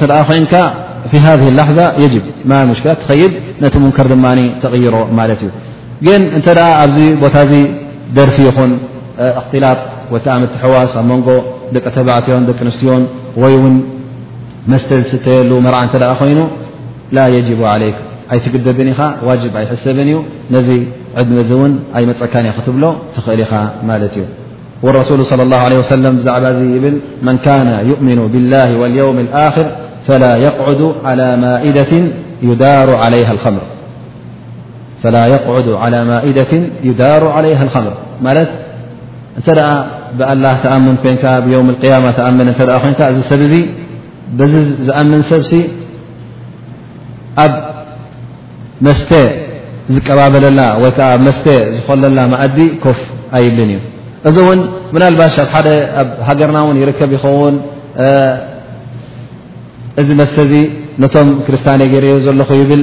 ኣብቲ ቦታ ይርከብ ኣብቲ ዳስ መስተ ዝሰትዩ እተ ኣለዉ ኮይኖም እዚ ነገር እዚ እተ መስተ ኣለዎ ኮይኑ እስኻ ማ የጅብ ዓለይክ ዋጅብ ኣይኮነን ክትመፆ በልበልዓክስ ነቲ ሙንከር ሙንከር ኢልካ ካብቲ ቦታ ውን ወላ ውን እተመፃእካ ክትወፅእ እዩ ዘለካ ማለት እዩ ምክንያቱ እዚ ቦታ ሙንከር ይርከቦ ስለ ዘሎ ምስተ ድማ ሓደ ካብቲ እመልከባኢስ ካብቲ ዓበይቲ ከባይረ ዝኑብ ይግበር ስለ ዘሎ ነዚ ዘንቢ እዚ ድማ እስኻ ክትሓባበሮ ስለ ዘይብልካ ክትርሕቕ ኣለካ ማለት እዩ ወላ እውን ሓዉኻ ዘመትካ እትፈትዎ ኩሉ ኣስላማይ ይኹን ዳኣ እምበር እንተ ሙሓረማት ኣሎ ኮይኑ ኣብዚ ቦታ እዚ ካብኡ ክትርሕቕ ኣለካ ማለት እዩ ካብቲ ሽሩጥ ድማ ኣን የኩነ ዳዒ ሙስሊማ ማለት እቲ ፅዋዕካ ዘሎ ኣስላማይ ክኸውን ኣለዎ ከምቲ ዝበልና እዚ ሓቃ ሙስሊም ዓለ ሙስሊም ስለ ዝኾነ ኣብ ርእሲኡ ድማ ኣን የኩነ ከስበሁ ጠይበን ይብሉ ዑለማ ገለገለ ኣለዉ እተ ኩሉ ገንዘቦም ካብ ሓረጣ ዝኣከብዎ ኮይኖም ወይ ከዓ በዓል መስተ ሸያጥ መስተ እተ ኮይኑ ወይ ከዓ በዓል ቁማር ቦታ ናይ ቁማር ኣለዎ ቁማር ዝፃወት ብቁማር ዘለበ ሃፍቲ እተ ኮይኑ ናብዚ ሰብ ዚ ድማ ንክትከይድ ኣይትግደብን ኢኻ ማለት እዩ ምክንያቱ ወላ እውን ኣስላማ ይኹን መስተ ዝሸይጥ ስራሕ ኣስላማ ኣይኮነ ዝሰርሕ ዘሎ ግን እተ ዝሰግድን ዝፀሙን ኮይኑ ኣስላማ እዩ ዝሕሰብ ግን እዚ ገንዘብ እዚ ዝኣከቦ ገንዘብ ካብኡ ከብልዓካ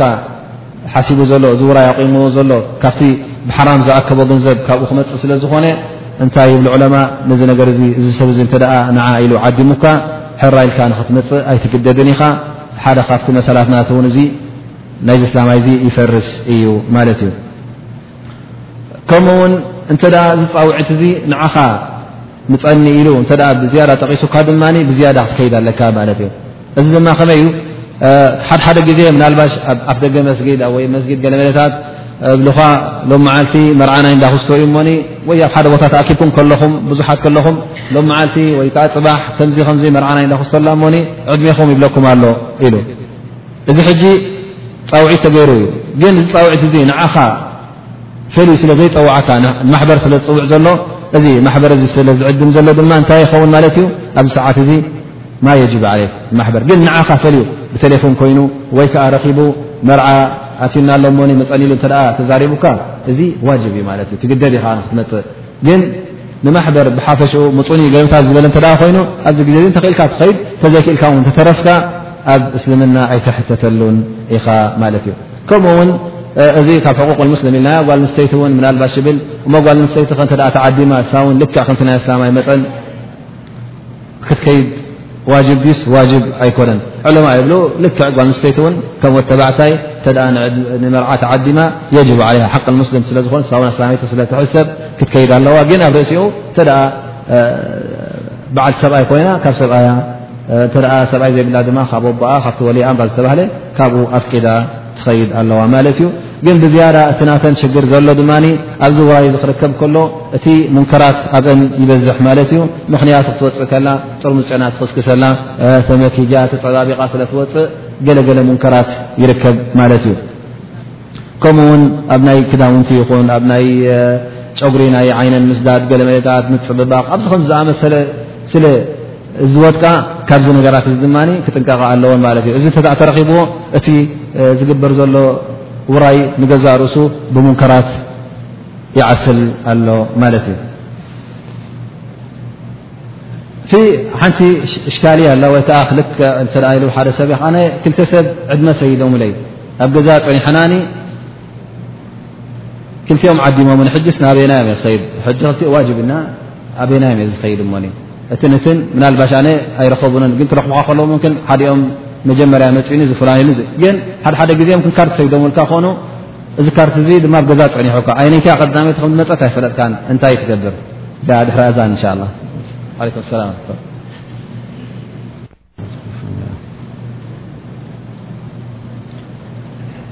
ኣብታ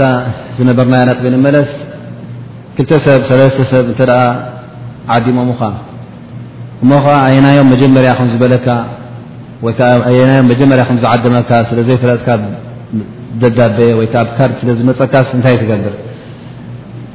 መጀመርያ ዝመፀካ እተ ፈሊጥካ እዚ እቲ ቀዳምነት ነቲ መጀመርያ ዝበለካ ንዕኡ እዩ ዝኸውን ማለት እዩ እንተ ናብቲ ካልኣይ ክትመሓላለፍ ኮንካ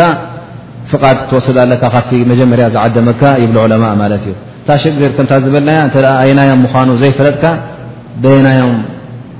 ከየ ትጀምር እንተ ንኩሎም ክትበፅሖም ክኢልካ እዚ ምንም ሽግር የብሉን ምናልባሽ ብ ሓንቲ መዓልቲ ኮይና እታ መርዓ ግን ብዙሕ ሰዓታት ስለ ዘሎ ምናልባሽ ካብ ሰዓት ሸሞንተ ክሳዕ ሰዓት ዓሰርተ ናይ ክልቲኦም ይቕፅል እዩ እሞ ነቲ ሓንቲ ሰዓት ነቲ ሓንቲ ሰዓት ነቲ ሓንቲ ሰዓት ክበፅሖም እየ እኽእል እየ እተ ትብል ኮይንካ እዚ እቲ ዝበለፀ እዩ ግን ንክልቲኦም ክተርክበሎም እንተ ዘይከኣልካ እንታይ ትገብር ይብሉ ዑለማ የቁል እብዳ ብልኣቅረብ ራሒመን እተ ዝምድና ኣሎ ኮይኑ እቲ ራሒም ዘለኩም ኣብ መንጎ ክልቲኹም ዘመድ ዘሎ ንዕኡ ቀዳምነት ትህብ ማለት እዩ እንተ ክልቲኦም ሓንቲ ዓይነት ዝምድና ኣለዎም ኮይኖም ምሳኻ እብሉኻ እቲ ኣቅረብም ምን ናሕያት ኣልጂራ ጎረቤት ዝቀረበካ ጎረቤትካ ዝተባህለ ናብ ተምሓልፍ ማለት እዩ እንተ ኩሎም ድማ ኣብዚ ነገር እዚ ተረኻኺቦም ይብሉኻ ናብቲ ኣልኣድየን ማለት እቲ ብዝያዳ ብዲኑ ዝቆመ ወይ ከዓ ዲኑ ዝሓዘ ትብሎ ብዝያዳ ዲን ኣለዎ እዩ ትብሎ ናብኡ ትኸይድ ማለት እዩ እንተ ዘይከኣልካ ኣብ መጨረሻ ናበይ ትኸይድ ማለት እዩ ኣብ ቁርዓ ትገብር ማለት እዩ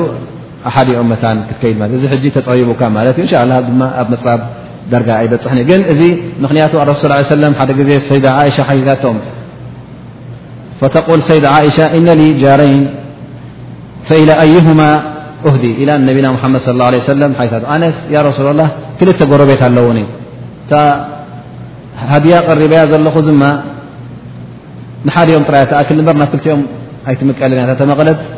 ረብሓ የብላን እሞ እንታይ ገብር ያ ረሱላ ላ ኢላ ትሓቶም ፈረሱል ስ ሰለም የብቁል ኣቅረብሁማ ምንኪ ባበን እቲ ዝቐረበ ኣፍ ደጊኡ ናባኺ ዝበለ ንዕኡ ሃብያ ቀዳምነት ን ማለት ሕጂ እቲ እዚ እንታይ የርኢ ኣሎ ማለት እዩ እቲ ናይ ጂራ ምቕራብ ናይ ዝምድና ገለመታት እቲ ቀዳምነት ይህብ ምኳኑ ስለዚ እንተ ገለ ነገር ኣሎ ኮይኑ በዚ ነገር እዚ እንተ ብገለ ነገር ተጋጭዩካ ናብ መኖም ክከይድ ኢልካ መታን ከይትሽገር በዚ ነገራት እዚ ኣቀራሪብካ ኣመዛዚንካ ክትመሓላለፎ ትኽእል ማለት እዩ ምናልባሽ ገለ ነገር ኣሎ ድማ ሕጂ ኣብዚ ግዜና ዳርጋ ሰብ ቅሩብ ኣይገደሰላን ይኸውን ዋላ ውን ግናፍቲ ዓድና ቀደም እብሉ ከይተዓደመ ዝመፀ ከይፀገበ ወፀ ይብሉ ማለት እዩ ዕለማ እብሉ እንታይ እሞ ከይተፀዋዕካ ከይተዓደምካ መርዓ ሎ ኢልካ ተኸትካኸ እንታይ እዩ እዙ ኣስላማ ይሓወይ ኢልካ ከይዓደመካ በተግ ኢልካ እተ ኣተኻዮስ እዚ ጃኢዝ ድዩ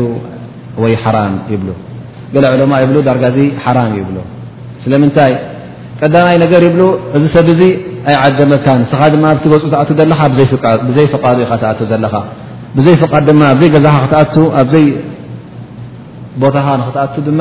ሓራም ስለ ዝኾነ እዚ ሓደ ሓራም ካልኣይ ነገር ድማ ዝኾነ ይኹን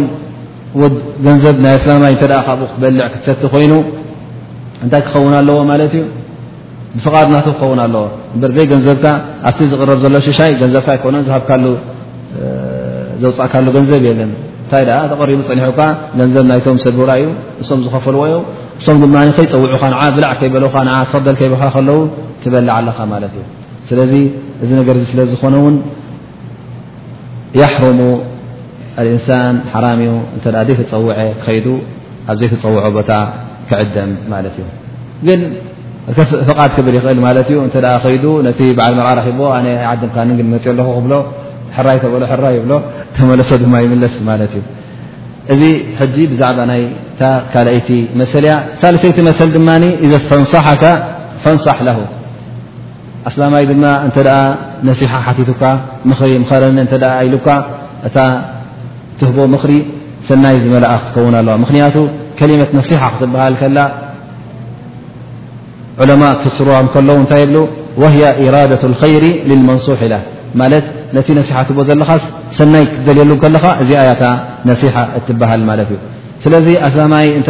ሓውካ ኣስላማይ ኮይኑ ኣንታ ፍላን ፍላን ኣነስ ከምዚ ከምዚ ሓስብ ኣለኹ ከምዚ ከምዚ ዝኣመሰለ ጓል ንስተይቲ ይኹም እዚኣ ክምርዓወ ዘሉ ኣለኹ ወይ ከምዚ ከምዚ ዝኣመሰለ ስራሕ ክጅምር ሓስብ ኣለኹ ወይ ከምዚ ከምዚ ገይረ ናብ ብዙ ዓዲ ክገይሸ ዘሉ ኣለኹ እሞሳኻስ ቁርብ ፍልጠት ኣለካ ብዛዕባ ዝሞኒ እንታይ ትመክርኒ እንተኢሉ እኳ ሕጂ ስኻ ኣብዛ ናተይ ትጃራ ወይ ከዓ ኣብዛ ናተይ ሸቐጥ ክተሓዋወሰኒ ኢልካ ክተርሕቆ የብልካን ወይ ከዓ ንዓይ ሙናፍሳ ክገብረለይ ዩ ንዓይ ከምዚ ክገብረኒ ኢልካ ከተፅበሉ የብልካን ስለዚ ሓዉኻ ከም መጠን ሓዉኻ ርኢኻ ክትመኽሮ ኣለካ ሰናይ ሰናይ ዝበለ ር ር ዘበለ ናብኡ ክትሕብሮ ኣለካ ዳኣ እምበር ካብቲ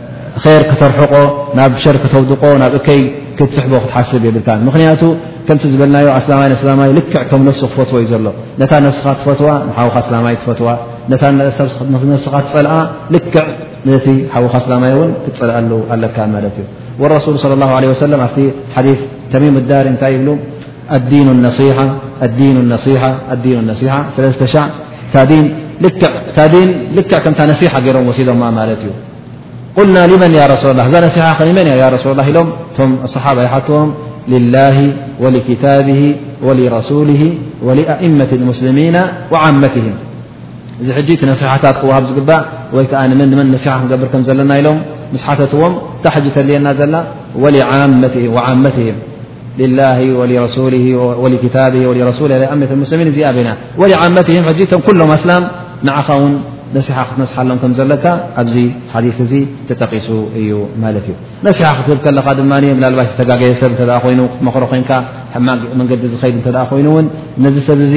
ነሲሓ ክትገብረሉ እተ ኮንካ ስነ ስርዓት ኣለዎ ቀዳማይ ነገር ኣብ ቅድሚ ሰብ እስኻ ከምዚ ከምዚ ትገብር ኣለኻ ካብዚ ነገር እዚ ተቆጠብ ኢልካ ክተብሎ የብልካ ማለት እዩ ምክንያቱ እዚ ሕጂ ነሲሓ ኣይኮን ትቦ ዘለካ እንታይ ትፈድሖ ኣለካ ማለት እዩ ኣብ ቅድሚ ሰብ ረኣይዎ ስምዖ እዚ ሰብ እዚ በዓል እከዩ በዓል ክፋእ እዩ ትብል ኣለካ ማለት እዩ ግን እተ ሰናይ ትደልየሉ ኮንካ እዚ ሰብ እዚ ኣብ ገጋ ከይዳ ኣሎ ሞ ይጋገሎ ኣብ ሕማቕ ክወድቕ ትብል ተ ኮንካ መፅእካ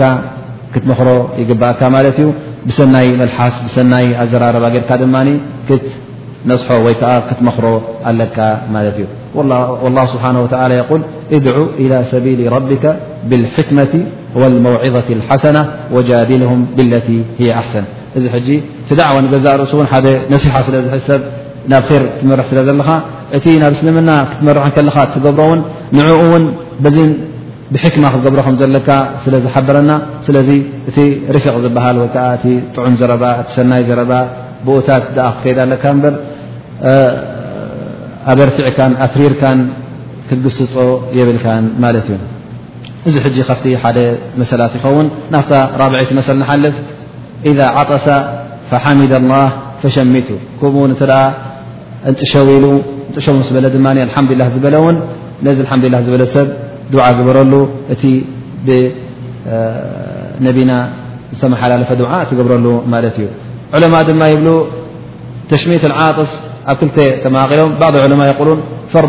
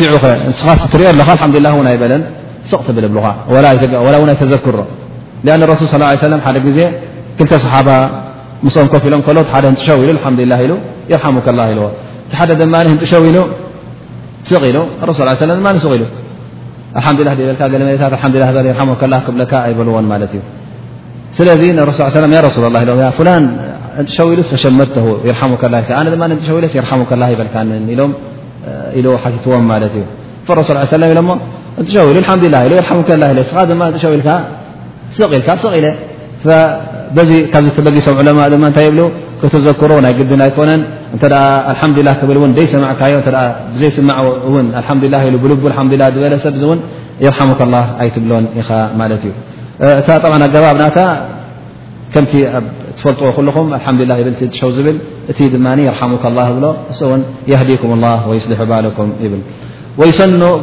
ኸፍዱ ሶት ማለት እንትሸው ክብል ከሎ ሰብ እውን ድምፁ ዓው ከብል የብሉን ሓሓደ ግዜ እንትሸው ዝብ ክትሰምዑ ከለካ ነዛ ገዛ ዳርጋ ጭልል እዮም ደብልዋ እዚ ድማ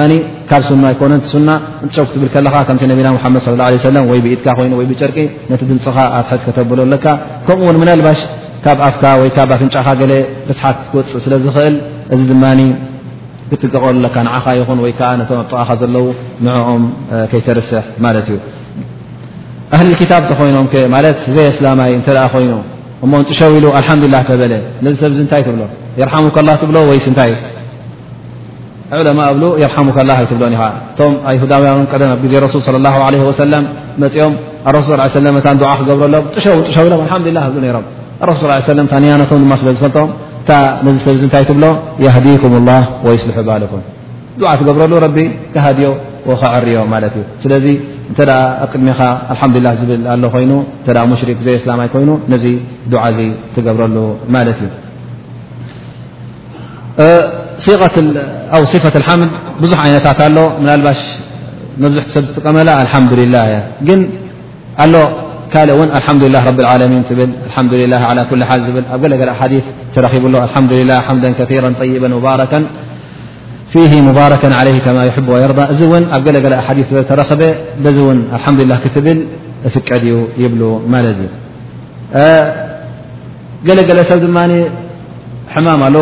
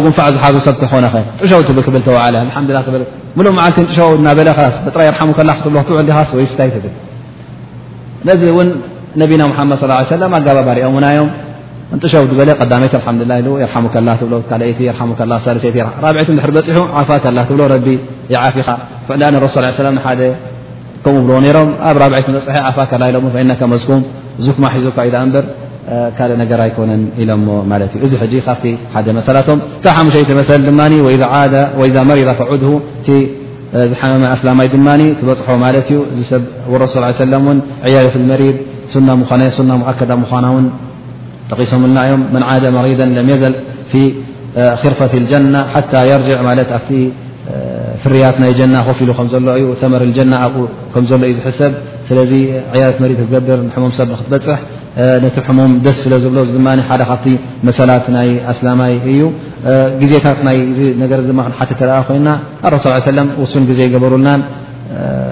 መዓስ ዝያራ ከም ንገብር ኣብ ዝጠዓመካ ኣብቲ ንኡ ንዓኻን ነቲ ሕሙምን ይጥዕሞ ዩ ትብል ኣብኡ ትበፅሖ ማለት እዩ ዑለማ ይብሉ ኩሉ ሰላተ ኣያም ድማ ተገበርካዮ ዝበለፀ ግን ኣቦኻ ሓዉካ ዝቐረበ ክኸውን ከሎ ድማ መዓልታዊ ትኸዶ ግን ዕያት መሪድ ኣብ ነዊሕ ሕማም ዘሎ ከ ክንደይ መዓልቲ ኸዶ መዓልታዊ ዶ ኸዶስ ወይ የቁል ዑለማ ዳርጋ ሰለስተ መዓልቲ ሰለስተ መዓልቲ ዝበፃሕካዮ እኹል እዩ ይብሉ ማለት እዩ መፅ ከለኻ ድማ እቲ ዝበለፀ ኣብ ርቲ ተቃርእሱ ኣብኡ ኮፍ ክትብል ኣለካ ዱዓ ትገብረሉ ኣብቲ ዝሕሞ ዘሎ ቦታ ትሕዞ እንታይ ዝሕመካ ኢልካ ከመይ ዩ ኢልካ ትሓቶ ከምኡ ውን ዱዓ ትገብረሉ ተስፋ ትህቦ እበር ከምዚ ከምዝኣመሰለ ዛሕማም ናትካ ልክዕ ናይ ክስቶ የ ረቢ ይርሓመሉ ልክዕ ከምታ ናት ኣይትብሎን ኢኻ